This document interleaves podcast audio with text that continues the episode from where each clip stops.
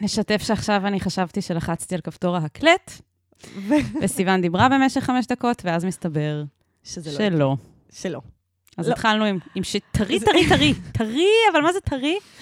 אז הגעתם ל shit של אחרים. ואני סיוון, ואני אספר את ה shit שלי. שוב. בפעם השנייה, ברצף. אז אה, כאילו, התגובות שלי לא יהיו אותנטיות, רק שתדעו. אוקיי. אבל זה ממש מצחיק, כי זה כמו שאנשים מספרים שהם מקליטים הודעה קולית שעה, ואז זה לא הוקלט, ואז הם כזה מתלוננים על זה. נכון, רק בגרסת ה... על סטרואידים. ממש. יואו. אוקיי. סליחה, סיוון, ספרי לנו שוב מה השיט שלך. אז השיט שלי זה בני נוער. שלום. סתם, אני אגיד שאני ממש אוהבת בני נוער. וכל בני, ויש לנו מלא גם בני נוער שמאזינים לנו, ואני רוצה נכון. קודם כל למסור לכם את אהבתי. שאוט אאוט. כן, ממש. אני כן רוצה כזה להתלונן על איזה שיט כזה שקשור באינטראקציה עם בני נוער. חשוב לי גם להגיד שרוב האינטראקציה שלי עם בני נוער זה שאני מעבירה סדנאות או הרצאות על חינוך מיני, ואז אני לא מבלה איתם בשאר הזמן. בשאר הזמן. אמ, אז היה לי, הז- הזדמנה לי, אה, הזדמנות מדהימה, אה, לבלות קצת יותר זמן עם בני נוער, ולא רק בקונטקסט של סדנה על חינוך מיני, כשטסתי לארצות הברית. טסתי ב-15 שעות טיסה ל-LA, והייתה איתי שם משלחת של בני נוער ל student exchange כזה, ואני כמובן ראיתי את כל בני הנוער מגיעים, ואני חושבת שהרבה אנשים שהם כאילו רואים בני נוער, הם כזה, אוי, נו, בני נוער, הם יעשו לנו רעש. כן. ואני הייתי כזה, בני נוער! אני מה זה מדמיינת אותך כזה נכנסת למטוס כזה ומסתכלת ורואה כל כך הרבה בני נוער, ואת כזה, oh my god, כן, אני הפנטזיה שלי. אני מתרגשת מהם כל כך. כן. בטח ממש ירצו שאני אסביר להם הכל על מיניות. ממש, בגלל זה, איך הם ידעו, איך הם ידעו? כן, איך אני- איך אני עושה להם את הסיגנל שהם יכולים לשאול אותי על פורנו? כן, ממש.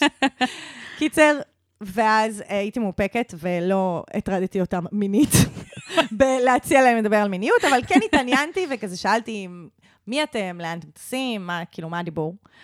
אה, ואז איזה נערה שישבה מולי, וגם כאילו, זה כבר הרגיש כאילו שזה אנחנו בדינמיקה שאני מציקה לה.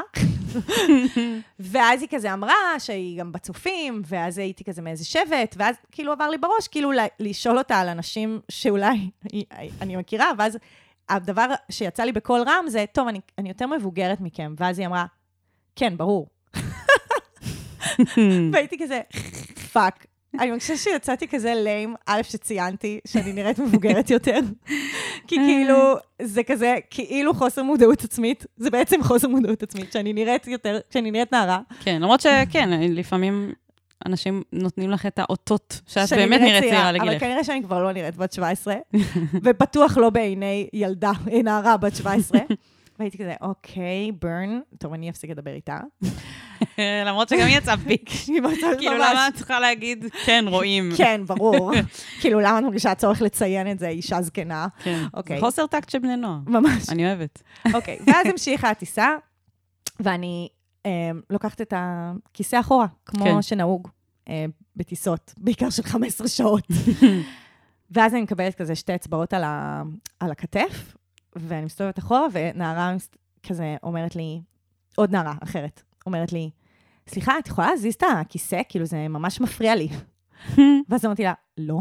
לא, תתמודדי, ככה עושים. אמרתי לה, לא, אני יכולה להזיז את הכיסא אחורה כמה שאני יכולה, וזה המר- מה שאני אנצל בטיסה המאפנה הזאת. זה מה שמי שהנדס את המטוס הזה החליט, וככה אני אעשה. בדיוק. ואז כאילו הסתובבתי בחזרה, ואז פתאום חשבתי לעצמי, וואי, יש מצב שהיא לא, היא לא יודעת שככה עושים בטיסה. היא כאילו, לא יודעת איך עושים טיסות. כן, ו- וכאילו פתאום הלב שלי יצא אליה, כאילו, ופתאום הרגשתי שאני איזו אישה אכזרית כזאת. והסתובבתי אחורה ואמרתי לה, את יודעת שגם את יכולה להזיז אחורה את הכיסא. ואז היא אמרה לי, לא נעים לי ממי שיושבת מאחוריי. ואז אמרתי לה, זה ממש בסדר, היא תבין, ככה עושים בטיסה. כאילו, ממש כזה, בואי תהיי כמוני. לא, גם כאילו אין, הרגשתי שאני פתאום אני צריכה להסביר לה את המציאות. כן. אוקיי, וגם, זה כאילו הייתי כזה, כאילו זה עצבן אותי, ואז אמרתי כזה, לא, סימן, תהיי אליה בחמלה. כאילו, היא כן. באמת לא מבינה, היא, היא באמת במצוקה כרגע. היא דחוסה בתוך המטוס, והיא לא יודעת שהיא יכולה גם להזיז אחורה. סבבה. אבל נתת לה את הפרמישן, כמו שאת אוהבת להגיד. בדיוק. צעד אחד לפני שיעור חינוך מיני במטוס. זה פשוט, יפה. כן, להרגיש בנוח לקחת מקום. כן. יפה. יפה. אוקיי, ואז אנחנו יוצאת, הגענו, נחתנו, אנחנו בתור, ל- בתור לדרכונים. אני שומעת פודקאסט על פורנו. כמובן, עם 50 בני נוער סביבך. ממש. ואז אה, מגיע, כי אז אני עוד רגע כבר מגיעה לדלפק של הדרכונים, ואז הנערה אחרת שעומדת מאחורי, אומרת לי, הגיע, את יכולה ללכת, כאילו, יש לך מקום. ואני מסתכלת, וכל הדלפוקים מלאים, אז אני כזה לא מבינה, אני אומרת לה, איפה יש מקום? באמת, ב, ב, אני מוכנה להקשיב לה. ואז היא מצביעה על דלפק שעומד בה, עומד בן אדם אחד. אז אני כזה אומרת לה, אבל יש שם מישהו. ואז היא אומרת, כן, אבל uh, הולכים בזוגות. מה זה תיבת נוח? מה זה הולכים בזוגות? ואז אני אומרת... ביקורת דרכונים. ואני מסתכלת כאילו על הדלפקים האחרים, ואני אומרת, כן, אם, אם הגעת בזוג, עם הזוג שהגעת איתו מהארץ, אז את הולכת עם האנשים שהגעת איתם מהארץ. נערה שלא יודעת איך טסים. ממש, ואז... אחרת. ואז היא כזה, אה. ואני כזה, אוקיי, כאילו אין, את כאילו, וזה כאילו המפגש הזה עם, עם בני נוער, שהם באמת מרגישים שהם יודעים הכל, אז הם גם כל הזמן כזה מעבירים עלייך ביקורת, אבל בעצם הם עדיין לא יודעים כלום. ואז את כזה, לא, לא, זה, זה לא הסיטואציה, לא, נשמה. לא, הסגברת עכשיו לאישה, כן. 15 שנה מבוגרת ממך. ממש. אולי באמת אני צריכה להיראות יותר מבוגרת. אולי היא חשבה שאת בת 17. והיא אולי- חשבה שלכן היא יודעת יותר טוב או ממך. שהיא חשבה שאני כל כך זקנה, שאני לא מבינה ואני לא קוראת את המצב, כאילו. וואי, וואי. לא, את, את לא נראית כל כך זקנה. וואי. זהו. למרות שאומרים שלילדים, אז כאילו מי שמבוגר, הם לא יודעים להבדיל בין מישהו לא בן יודעים. 30 למישהו בן 60. לא. מבחינתם כולם בני מיליון, נכון, כאילו. אבל אני רוצה לתת לה קרדיט, היא בת 17, היא לא בת 6. קיצר, כן. וזהו, וזו החוויה שלי עם בני נוער, שאני באמת נורא אוהבת אותם, אמ, אבל כאילו כל הזמן הרגשתי כזה, שהאינטראקציה איתם זה כזה, אין, פשוט דמיינתי את מישהו הרגע, צריך לקחת אתכם ביד יד ולהראות לכם, יד ביד, ולהראות לכם איך העולם עובד. דמיינתי פשוט איך אני יושבת פה בשיט של אחרים, ומלרלרת על כל האינסידנטים האלה, פשוט. אבל, אחד אחרי אה, השני. אבל הפנטזיה שלך לא התגשמה. לא התגשמה. לא דיברתי איתם על מיניות. לא עשיתי להם סדנה 15 שעות בטיסה. כל מי שבני נוער ומאזינים, כן. תגידו לנו, נעשה סקר, תגידו, אם אתם הייתם בטיסה לחו"ל של 15 שעות, האם הייתם רוצים להיתקל בסיוון לוטן שתעשה לכם סדנה? כן. כל הטיסה. נשמח לשמוע. סקר יעלה בקרוב באינסטגרם שלנו. או אם, אם אתם רוצים שהיא תלמד אתכם איך טסים בשמי העולם ועושים דברים, איך הולכים לביקורת דרכונים, למשל, לא בזוגות. לא בזוגות? לא. אמ, אוקיי, אז יהב, תספרי לאנשים לאן הם הגיעו. אוקיי, לאן הם הגיעו ואיך עושים פה את הפודקאסט. איך עושים? איך מתנהגים? מה? כללי ההתנהגות? ממש. כן. טוב, אז אנחנו פה בשיט של אחרים, עצות לחיים עצמם. בפודקאסט הזה אתם פונים אלינו אנונימית, ואנחנו נותנות לכם עצות זהב. אני יהב ארז, פה איתי סיוון לוטן, משתדלות כל שבוע אה, לענות על מה שאתם אה, רוצים שאנחנו נענה, רוצים ורוצות, ושיהיה גם כיף וקליל על הדרך. נכון, אז שנתחיל? נתחיל. אני ממש צריך עצה. אני ממש צריכה עצה. מה אני יכול לעשות במצב כזה?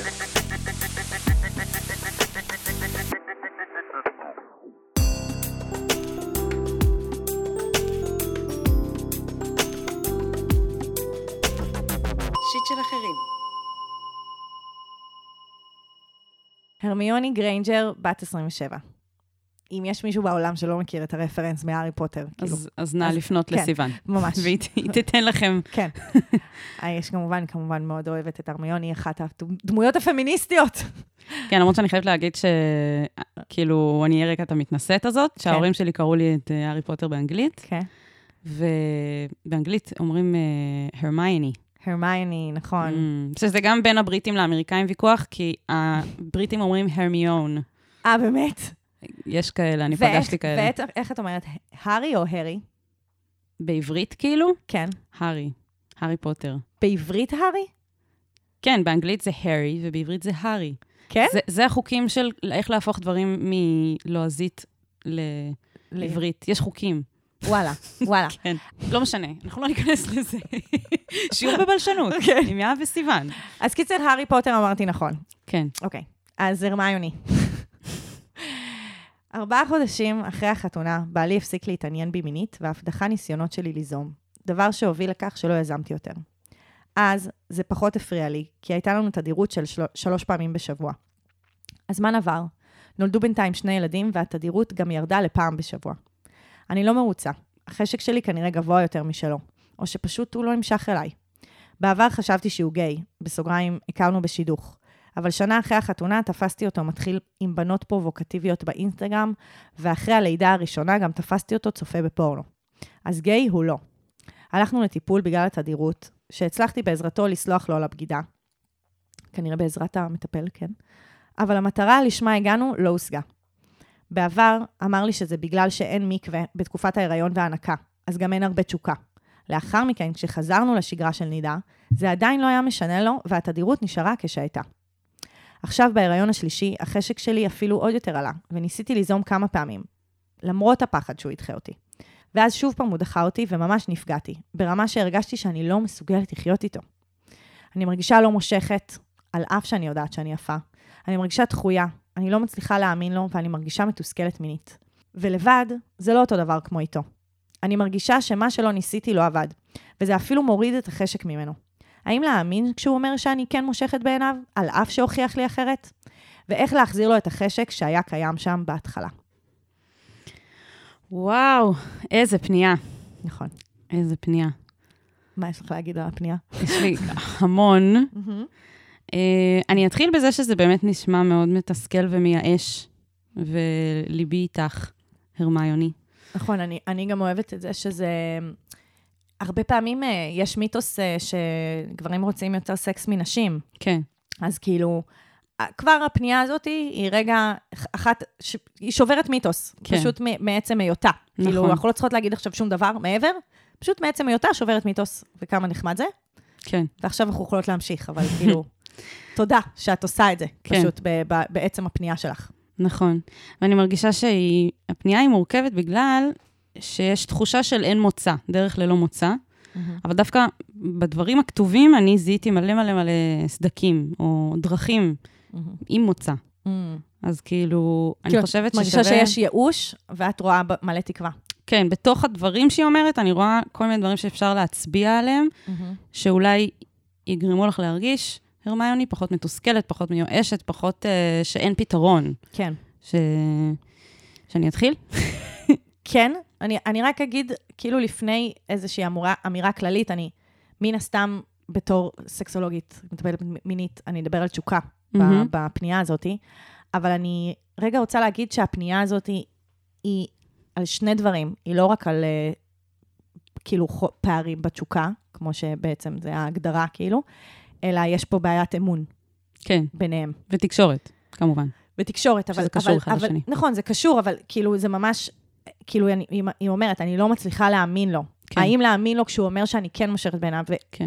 וזה הבסיס. ועל זה אנחנו צריכות בעצם לדבר, מהמם. אבל כן חשוב לשבור כמה מיתוסים כדי לדבר על זה. כאילו, אני חושבת שגם המיתוסים נשברים בפער שבין הפרטים של הסיפור לבין המסקנות שהיא גוזרת מהם. אני חושבת, אני הרבה פעמים ראיתי דברים שקרו במציאות, שהיא מפרטת, מהמם, ומה היא מסיקה מזה. מהמם. ושם אני רוצה לדבר על הפערים בין השניים. אוקיי.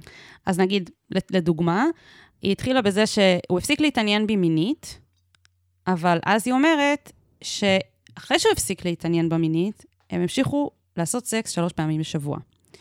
עכשיו, זה לא נשמע לי כמו מישהו שלא מתעניין לך מינית, מהמם. אם אתם שוכבים שלוש פעמים בשבוע, ואני שואלת את עצמי, איפה הפער בין הוא לא מתעניין בי לבין אנחנו עושים סקס שלוש פעמים בשבוע, וזה עוד אחרי שהתדירות ירדה. אמ, שלוש פעמים בשבוע זה, כאילו, זה, זה נשמע לי, זה לא נשמע לי כמו זוג שאין ביניהם שום חשק בכלל, מהמם. ושהם לא רוצים לשכב. אני רק רוצה כאילו שנייה להצביע על זה. אוקיי. כזה, אז מה, מה קורה פה? יש כאילו, פה איזה פער-. יש פערים בתוך הסיפור עצמו. כן, כאילו, בין איך שהיא מרגישה לגבי זה, לבין במציאות. אה, העובדות שהיא מציגה, לבין כן. העובדות שהיא מציגה. בדיוק. או נגיד, אמ, אמרת, האם להאמין לו כשהוא אומר שאני כן מושכת בעיניו, על אף שהוא הוכיח לי אחרת? איך הוא הוכיח לך אחרת? מהמם. עכשיו, היא מפרטת כל מיני דברים שכאילו היא הס- הס- הסיקה מהם שהוא הוכיח שהוא לא נמשך אליה. כמו להתכתב עם נשים באינסטגרם, כמו אה, לראות פורנו, כמו כל מיני דברים. ואני אומרת, הדברים האלה הם לא בהכרח אומרים שהוא לא נמשך אלייך. מהמם. גם אם, בלי הדברים האלה, אם פשוט התדירות הייתה יורדת, כי הוא אומר, אני, אני פשוט, אין לי חשק, מהמם. אני לא רוצה לשכב איתך שלוש פעמים בשבוע, אני יותר כמו פעם בשבוע, או פעם בשבועיים, לא יודעת מה. זה לא אומר שמישהו לא נמשך כן. לבת זוג שלו. זה אומר שהחשק שלו יותר נמוך, וזה שני דברים נפרדים. זהו, אז כאן זה המקום שבו אני רגע רוצה לעשות הפרדה במושגים, כי מהמם. זה אחד הטעויות הכי נפוצות בחברה שלנו, שמבלבלים בין אה, משיכה לתשוקה. מהמם. ובואו נעשה רגע הפרדה במושגים. אני מוצאת בחדר הטיפולים, שזה אחד הדברים שהכי עושים גם היגיון לזוגות שמגיעים, שעושים כן. את ההפרדה הזאת. משיכה זה אם יש כימיה בין שני אנשים, אוקיי? האם אני נמשכת, נמשכת לריח? האם אני נמשכת למראה? האם אני אה, מרגישה שנעים לי לגעת? כאילו, כל הדבר הזה... אני רוצה שהוא ייגע בי, אני רוצה לגעת בו. כן, כזה, כן. כל הדבר הזה. המשיכה היא לא רק למראה חיצוני, היא אמרה שהיא יודעת שהיא יפה. אה, משיכה היא לא רק למראה חיצוני, משיכה היא לתחושה שבן אדם גורם לנו להרגיש, משיכה היא בתקשורת שיש בינינו, בדינמיקה שיש בינינו, בשיח. כלומר, אנחנו יכולים להימשך מתנועות גוף של בן אדם, ואנחנו. כן. יכולים להימשך מהאופן שבו הוא בוחר להתבטא, ומהאינטליגנציה שלו. וכלומר, משיכה היא, היא דבר מרובד, והיא לא מתכנסת רק למראה חיצוני. מראה חיצוני זה חלק ממשיכה, אבל זה לא הדבר היחיד שנקבע, אה, שמוטה בהקשר הזה. נכון. אה, ומשיכה, אפשר להתייחס לזה אה, כקיימת או לא קיימת. כלומר, יכול להיות בה איזה שהם שינויים, יכול להיות שיש תקופות שמרגישים אותה יותר או, או פחות, אבל היא קיימת או לא קיימת. כלומר, אם אני נמשכת למישהו, אני נמשכת אליו. כאילו, זה, זה עובדה, היא קיימת. כן. ואז יש תשוקה. תשוקה, חשק מיני, כאילו אפשר לקרוא לזה בכל העולם הזה, וזה בעצם הרצון לקיים מגע מיני. הרצון להיות במגע מיני, הרצון להיות במגע מיני עם בן אדם אחר, הרצון להיות במגע מיני עם עצמי, כאילו, כל הדבר הזה. ובעצם אין קשר ביניהם, כי אני יכולה נורא להימשך לבן אדם, ועדיין לא לרצות לעשות סקס עכשיו. כן. ואני יכולה ממש להימשך לבן הזוג שלי באופן קבוע כל הזמן, וכשהוא עובר לידי, כאילו להתרגש מהריח שלו, ועדיין לא לרצות לעשות סקס עכשיו. נכון. ואני יכולה גם להסתובב במשך שנה בלי חשק מיני, ועדיין מאוד להימשך לבן הזוג שלי, אפילו שזה כאילו מרגיש סותר, זה ממש יכול להתקיים שני הדברים ביחד. כן. ובעצם מה שאת מתארת, זה שיש לכם uh, ליבידו שונה. יש לכם תשוקה, רמות תשוקה שונה, רעב שונה. כאילו, זה קצת, אני חושבת שכשמדברים על זה במושגים של אוכל, תמיד יותר קל להבין תשוקה, כי כאילו, אם הוא היה פחות רעב ממך, uh, והוא היה אוכל פחות אוכל ממך, האם זה היה מכעיס אותך? אם כשהייתם אוכלים ביחד, הוא היה אומר, טוב, זהו, הספיק לי, אז היית רוצה לדחוף לו אוכל לפה? כאילו, יש משהו בזה שלכל אחד מאיתנו יש רמת רעב שונה, וזה אומר שאנחנו צריכים גם להתנהל אחרת ולדאוג לעצמנו בצורה אחרת. והיא הביעה איזשהו תסכול מאוננות, כאילו שאוננות זה לא מרגיש לה אותו דבר, וזה בסדר. כאילו, כן. כן. זה באמת איזשהו, זה, זה, זה ממלא בצורה שונה, זה, זה מספק לפעמים בצורה שונה, אבל זה, זה לא אומר שזה לפעמים לא יהיה הפתרון. כשאת כן. מרגישה רעבה, והוא לא רעב. אז תכיני לעצמך אוכל ותאכלי. כאילו, דיברנו על זה בפרק 8.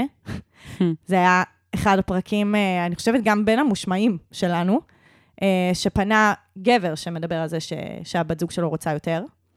אה, וממש דיברנו על איך אנחנו עושים, הפר... בעצם זה נפרדות.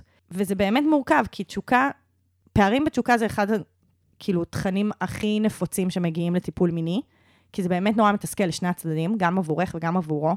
זה נורא לא כיף להיות זה שדוחה, זה נורא לא כיף להיות זאת שנדחית. נכון. ומצד שני, בלי כל התקשורת סביב זה, שנראה לי כאילו זה הרמה שלנו להנחתה עוד רגע, לא יוכל להתקיים בכלל מגע מיני. כאילו, כן. זה אפילו מפספסים הזדמנויות שבהם כן מגע, מ- מיניות הייתה יכולה להיווצר.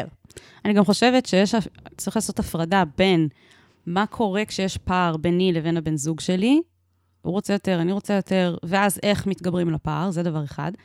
ויש את כל התחושות הנלוות, שזה, אני מרגישה שזה הרבה יותר הפנייה שלה, מאשר מה אני עושה כשהבן זוג שלי רוצה פחות ואני רוצה יותר, אוקיי, אז כאילו, לפעמים לאונן זה הפתרון, לפעמים יש כל מיני פתרונות שאפשר לחשוב עליהם, אבל אני מרגישה שמה שיותר מפריע לה פה, זה שהיא משוכנעת שהוא לא נמשך אליה, למרות שהוא אומר לה שכן, ושם... וזה מחזק כל הזמן את החוסר ביטחון. כל דחייה. כזאת, היא מתיישבת במקום, יש לה עוד משמעויות. זה לא כן. רק, אני לא רעב עכשיו.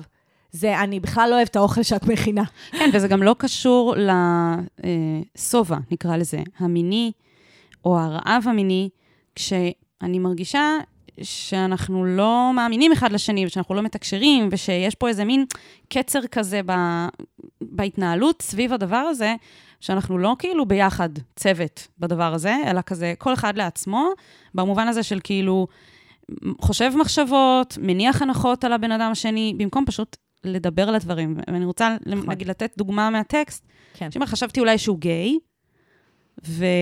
ואז ראיתי שהוא מתכתב עם נשים באינסטגרם, ואז ראיתי שהוא רואה פורנו, וכנראה שהוא גיי הוא לא. עכשיו, אני לא נראה לי שהוא גיי, בגלל שהדברים שאמרת לא, לא גורמים לי לחשוב שהוא גיי, אבל בין אם הוא גיי ובין אם הוא לא, ובין אם הוא נמשך גם לנשים וגם לגברים, שזה גם אופציה, כאילו זה, זה, זה יכול להיות שהוא גם נמשך לגברים, זה עדיין לא בהכרח סותר את זה שהוא נמשך או לא נמשך אלייך. אבל בכל מקרה, לא משנה מה הנטיות המיניות שלו וההעדפות המיניות שלו, אני תוהה לעצמי באיזשהו שלב, שאלת אותו, תגיד, אתה נמשך לגברים? כי זה נראה האם לי... דיברתי איתו בצורה ישירה? כן, כאילו, את חושבת שאולי בעלך נמשך לגברים. נראה לי שהדבר הכי כאילו חשוב לעשות זה לשאול אותו. ו...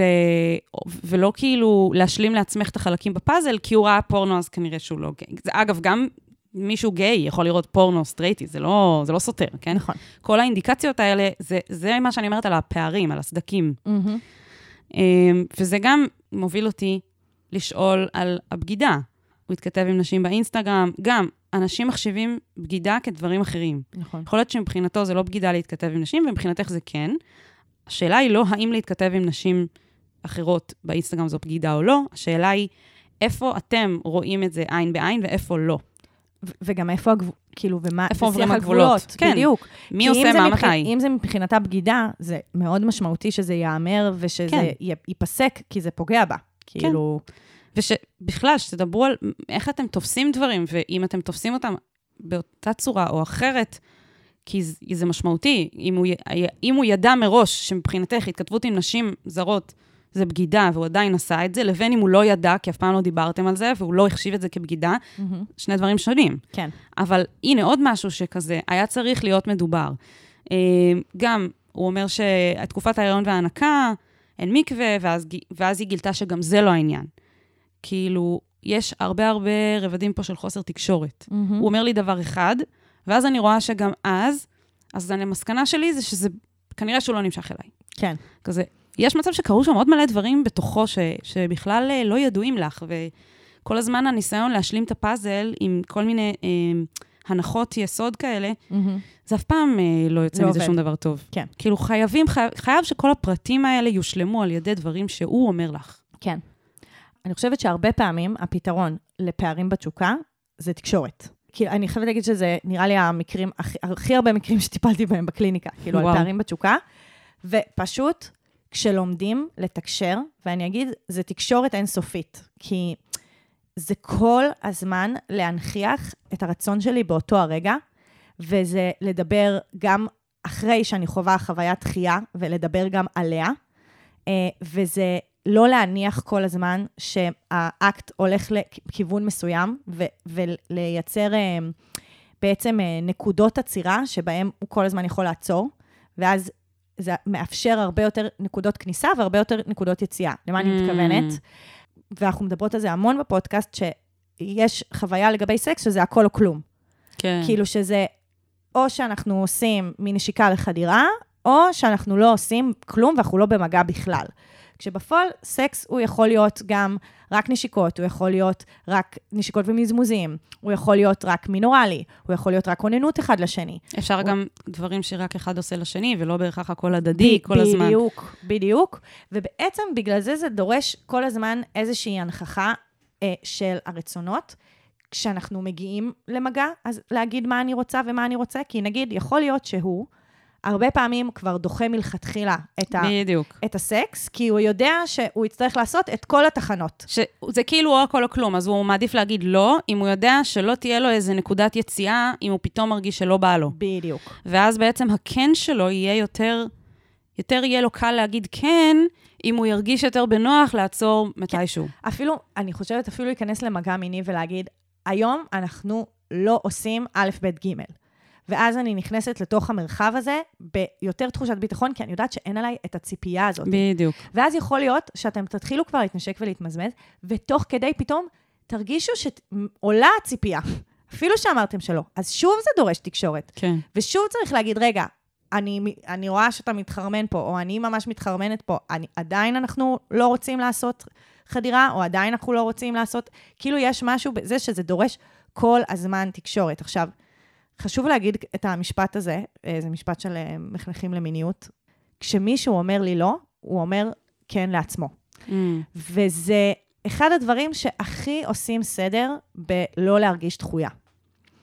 כי כשאני מקבלת לא מבן הזוג שלי, אני מבינה שזה לא קשור אליי, זה קשור אליו, והוא מאפשר לעצמו לעשות את מה שהוא רוצה עכשיו, וזה אמור לשמח אותי. כן. ואני שומעת בקליניקה, אבל מה, כאילו, אני רוצה לרצות גם כשאני לא רוצה. אבל אי אפשר, אי אפשר לרצות כשאנחנו לא רוצים. וזה בסדר, זה בסדר, ודווקא לפעמים, כשאנחנו נותנים חופש ואנחנו מאפשרים לא לרצות, אפרופו מקווה. כאילו, יש משהו בתקופה של המקווה, כאילו, בתקופה, בתקופת הנידה, עד המקווה, שאני יודעת שאני לא חייבת לרצות, שזה מאפשר לרצון ולתשוקה לעלות. להיבנות. יעני, להיבנות, אה, כי יש להם חופש. אבל כשיש כל הזמן ציפייה ממני, אז אני אולי לא יכולה לתפקד, אני לא יכולה לגלות את זה בעצמי, כי אני כל הזמן בהגנה. כן, והמיניות זה המקום שבו כשאני לא באמת רוצה, הגוף שלי אומר לי את זה. בטח ובטח אם, אם זה גבר, כן. שאולי הוא אפילו, הוא, מי יודע, אולי הוא אפילו אומר לעצמו, אני לא רוצה להיכנס לאינטראקציה מינית, אם אני נמצא בתוך תחושה של, של כאילו לחץ לתפקד מאלף עד תף, ואז אני מפחד שלא יעמוד לי, אני לא יודעת מה, כאילו אין לדעת מה הולך בתוך הראש שלו, ופה גם נטועה הבעיה של ה... אני רוצה לבנות סכמה ממה שאמרת, אוקיי? אוקיי, כי זה ממש נבנה לי בראש טוב, ואני אוקיי. חושבת שכדאי שכולם ישמעו את זה. פצצה. אוקיי. פער בחשק המיני זה מבאס, מהמם. זה לא פשוט, אפשר למצוא פתרונות. אבל פער בחשק המיני, פלוס פער בתקשורת, זה הרבה יותר מבאס. נכון. וזה הרבה יותר קשה, והרבה יותר קשה למצוא פתרון לזה. מהמם. אז בעצם מה שאנחנו אומרות זה, תורידי את החלק של הפער בתקשורת, תישארי רק עם הפער בחשק המיני, ובעזרת התקשורת, תפתרו את, את העניין של החשק המיני, כי זה פתיר, מהמם. כאילו של הפער בחשק כאילו, המיני. את אומרת, תעבדו על התקשורת. תמצאו פתרונות שלא יגרמו לכם להרגיש מיואשים, מתוסכלים, לא אוהבים אותי, לא רואים אותי, אני לא יפה, אני לא מושכת, אני... מצפים ממני ואני בלחץ, אני... דברים כאלה, בגדו בי. את יודעת, כל התחושות האלה שעלו כשקראתי את זה. כל כך הרבה דברים ששני הצדדים מרגישים כאילו הם או יצאו לא בסדר, או עשו משהו לא בסדר, וכאילו, הרבה פוטנציאל של לפגוע אחד בשני, והכל למה? כי לא תקשרתם. מהמם.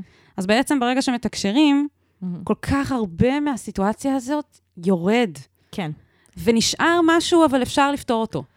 ו- וזה מדליק לי איזושהי נורה, כי היא אמרה שהם הלכו לטיפול, ובעיקרון, הכ- אחד הכלים שהם אמורים לקבל בטיפול זה לתקשר אחד עם השנייה, בעיקר בתחום של המיניות. מהמם. כאילו, היא כתבה שהם הלכו לטיפול מיני.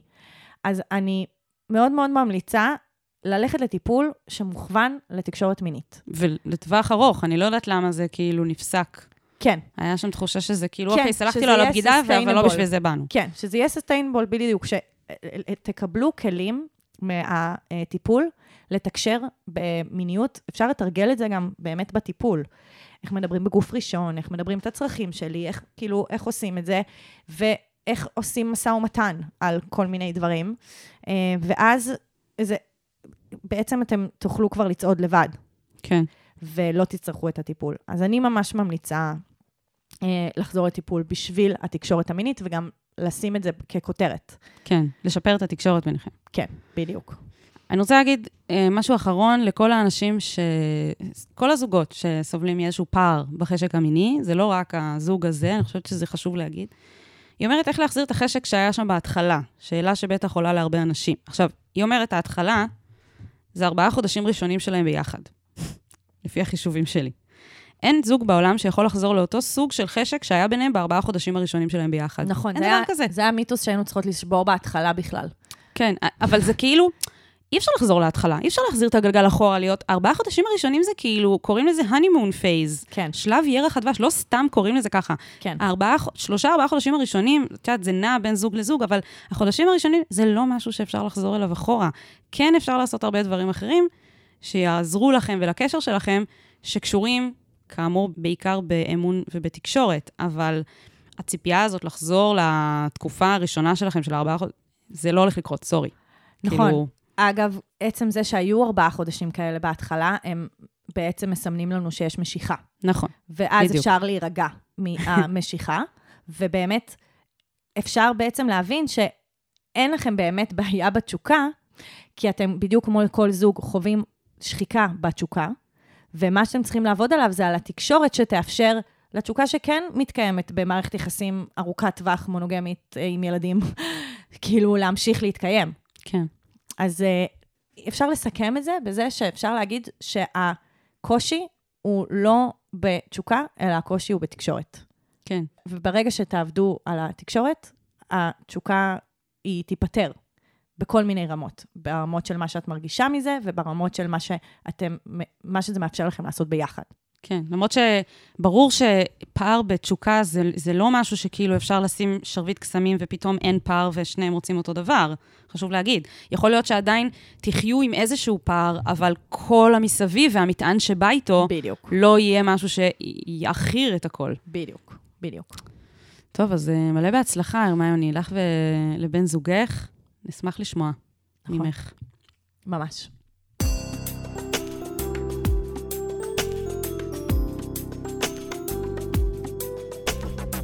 שיט של אחרים.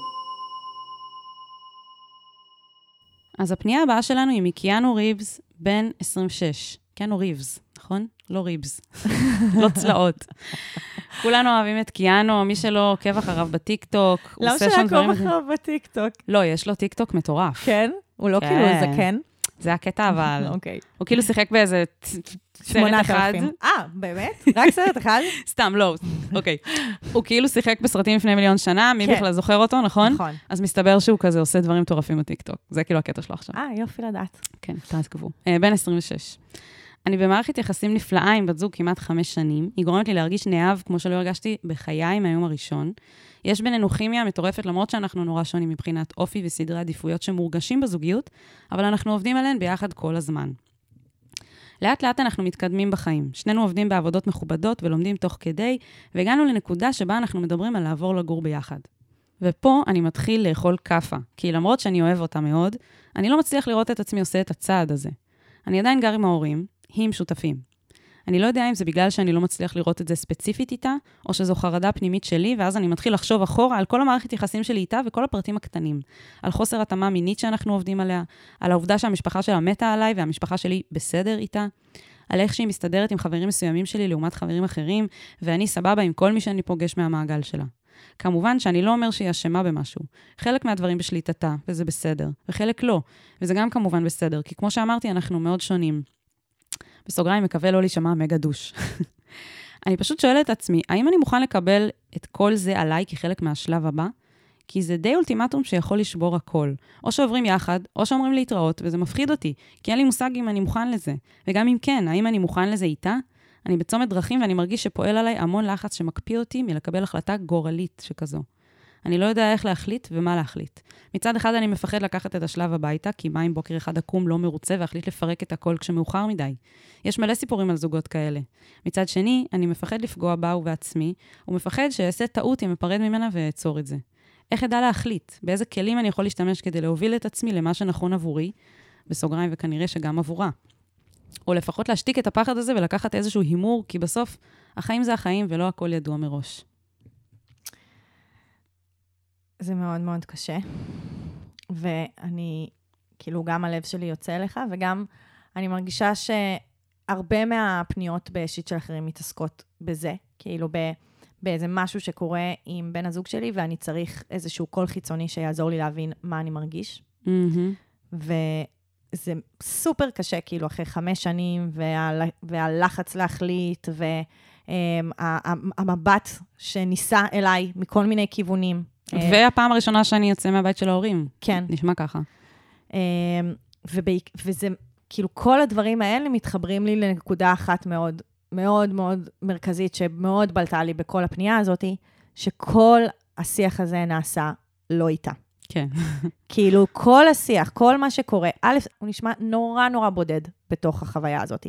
כאילו, אני לא רק יכולה לדמיין לעצמי כמה זה קשה לעבור את כל הדילמות והקשיים וה, והמחשבות והפחד מחרטה, וכאילו כל הדבר הזה, לעבור לבד. ואני נורא יכולה להבין, כי זה נורא מפחיד להביא אה, ספקות לתוך קשר, וזה נורא כן. מפחיד להביא חלקים שאני לא בטוח לגביהם. וזה נורא מפחיד להביא לב- לבת זוג שאני אוהב ולא רוצה לפגוע בה, מה החלקים שקשים לי איתה, או מה החלקים שלא עובדים לי. אבל זו זוגיות. זוהי זוגיות. כאילו, זה המשמעות שלה. זה לבוא ולהגיד לבת זוג שלך, שומעת? את האמת, קשה לי להחליט לעבור לגור איתך, ואני לא יודע אם אני רואה איתך עתיד, ואני צריך, בוא נדבר על זה. כן, אולי זה ניסוח קצת יותר מדי. כאילו, אני לא יודע אם אני רואה איתך עתיד. זה לא התסריט, חברים. אנשים מבקשים תסריט, זה לא התסריט. כן. לא, אני אומרת, כאילו, לפעמים יש דברים שעוברים לך בראש, אתה יכול לתווך אותם אחרת, אבל הם צריכים כן. להיאמר איכשהו. כן, וגם אפילו לא בבת אחת, כאילו, לא כזה, עכשיו זה שיחת יחסינו לאן, כמו, זה בעצם כל הזמן להפסיק לעשות outsource, כי הרי מה הוא אומר? חברים שלי, יש להם איזה קשיים איתה. המשפחה שלי היא לא זה. יש שם כל הזמן איזושהי גם חוויה שקורית מחוץ לשיח איתה, מחוץ לעולם הידע והמודעות שלה. קורה שם איזה שיח עם החברים שלו ועם המשפחה שלו, שהיא בכלל לא מודעת אליו. ויכול להיות שגם קשה איתה בכל מיני דברים, על דברים שאתם לא מדברים ביניכם. כן. ואז בעצם הקושי הזה, הוא יוצא החוצה והוא מתבטא בזה שהאנשים שאיתך אה, שומרים עליך, מגנים עליך, אה, רואים את זה, אתה מרגיש בנוח לדבר על זה איתם, אז הם יותר רואים את זה, אבל כאילו היא, היא מנודה. כאילו, היא לא חלק מתוך הדבר הזה, וזה זה יותר מהכל הדבר שיכול לפגוע בה. כאילו, כן. לא אם תעברו לגור ביחד ומה יקרה אם אה, תיפרדו ומה זה, אלא זה שבעצם מתחולל כאן עולם שלם שהיא לא חלק ממנו. כן. אגב, זה ממש אה, מקשר בין שתי הפניות. חד משמעית. כל השיח הזה קורה בתוך בן אדם אחד, במקום בין שני אנשים, שזה בדיוק. זוגיות. כן, זה ממש, כן. כאילו בשניהם הפתרון זה תקשורת. יפה, סיוון לוטן, שמסדרת את הליינאפים כן. של הפרקים. ממש. אוהבת מאוד. אבל כן, יש דברים שאתה יכול לשאול את עצמך. כאילו, נגיד, הספקות שהבאת, לפחות כאילו כרגע, הם ספקות חיצוניים. כזה, המשפחה לא מסתדרת, החברים לא זה, אבל לא שמעתי ממש על מה הספקות שלך בהקשר של הרגשות שלך.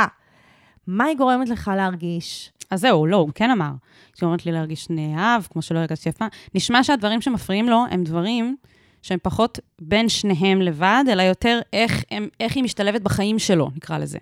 חברים, משפחה, הם שונים.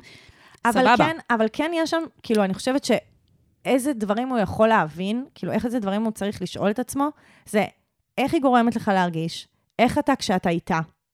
האם אתה אוהב את הגרסה הזאת של עצמך כשאתה איתה, או האם אתה צריך להיות שונה כשאתה איתה? זה נורא משמעותי. כן, נעים לך איתה, כיף לך לדבר איתה, אתה מרגיש מוגן, אתה מרגיש שיש אמון, יש כל מיני דברים שהם המדד. הם, והם כן. הם הדבר החשוב לבדוק ביחס למעבר הגדול הזה. כן, ואני מרגישה שהוא שואל את השאלה קצת הפוך ממה שאני הייתי שואלת. גם את, כאילו, אומרת, תשים דגש על דברים מסוימים, ואני אומרת, אתה שואל שאלה על הדברים האלה לא מסתדרים, והאלה לא מסתדרים, והאלה לא מסתדרים. האם אני יכול להתחייב? האם אני יכול להיות במחויבות ברמה הזאת של לעבור לגור ביחד עם מישהי שיש לי איתה את כל הבעיות האלה והאלה והאלה? ואני אומרת, בואו נשאל את השאלה הפוך. כי כל הדברים שאתה מתאר הם דברים שהם פתירים בעיניי. אם אנשים נמצאים בתודעה של, זהו, אנחנו, we're in this together. אני מחויב לך, את מחויבת אליי, וכל בעיה שלא תצוץ, אנחנו נפתור אותה ביחד, אנחנו נמצא את הפתרון. כן. והצורה שבה אנחנו נמצא את הפתרון היא ביחד. היא אנחנו- בעבודה. היא- חשוב להגיד, בעבודה משותפת, זה לא כן. יהיה פשוט, כאילו. נכון, אבל למה אני אומרת שזה קודם כל צריך להישאל? כי אני חושבת שברגע שאנשים מחויבים אחד לשני, והם אומרים, אני כאן להישאר, אז הרבה מהדברים, המון המון בעיות בזוגיות, הופכות להיות פתירות. מהמם.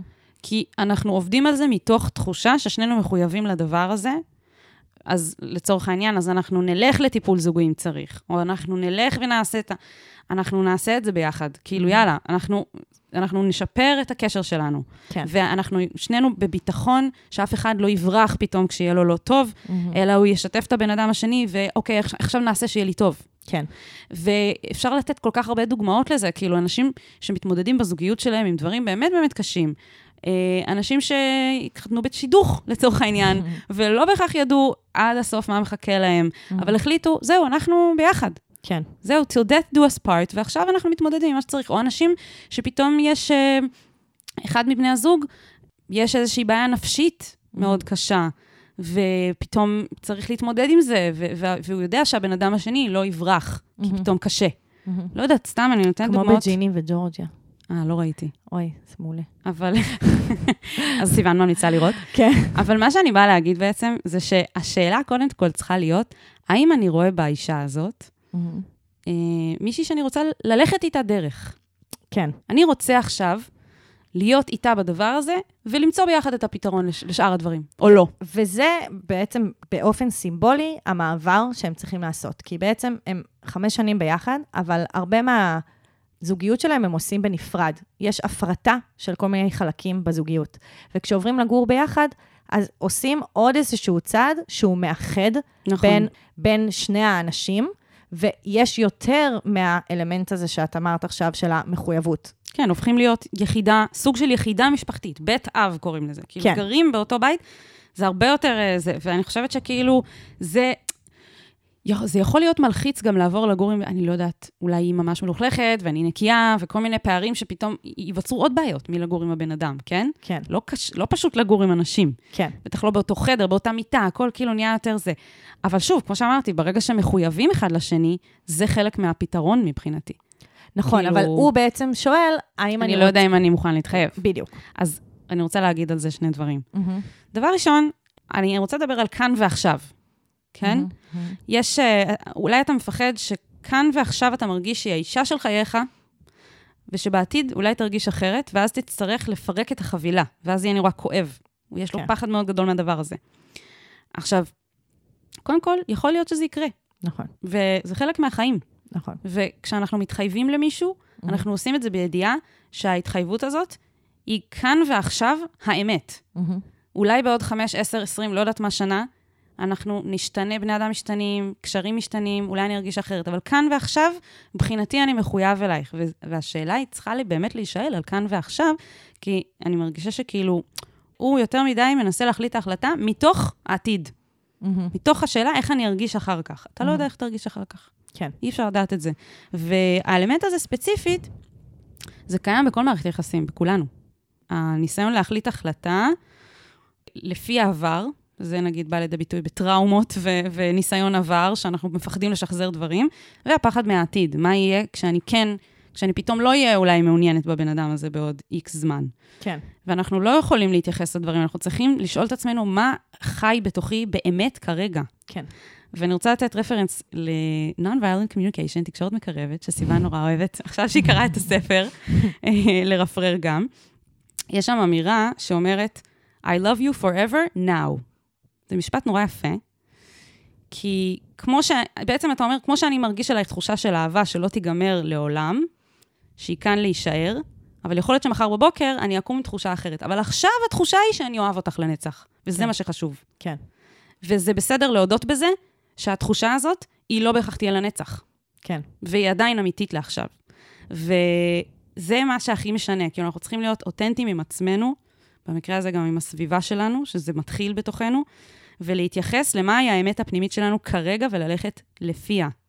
ואני חושבת שדווקא להתחייב לבן אדם, מתוך ידיעה שבעוד איקס זמן יש מצב שאני אפרק את החבילה ואני אפרד מהבן אדם הזה, ועדיין להחליט להתחייב כרגע, כי כרגע זה מה שאני רוצה או רוצה, זה המהות של מחויבות. כן. לעשות את זה מתוך הידיעה שאני כל יום בוחרת מחדש, מהמם. ולא לא להתחייב רק אם מישהו הבטיח לי שאני ארצה את הבן אדם הזה לנצח. כן. המחויבות האמיתית היא, היא זאת שיודעת שזה יכול להיגמר. כן.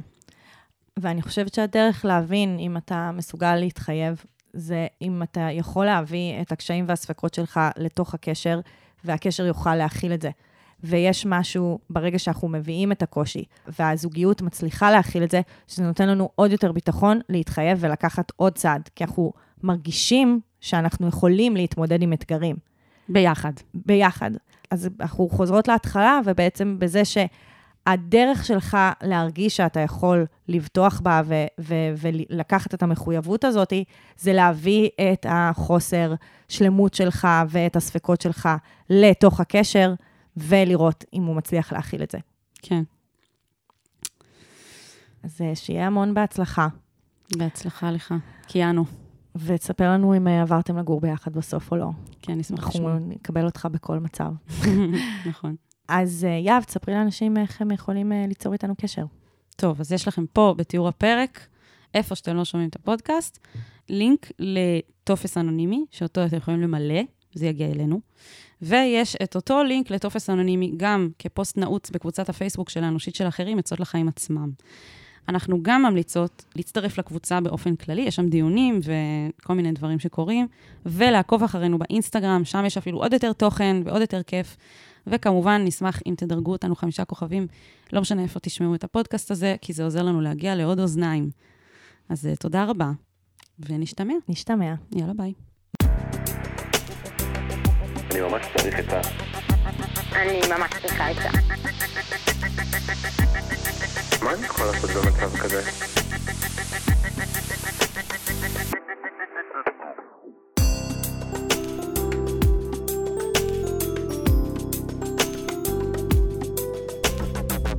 של אחרים.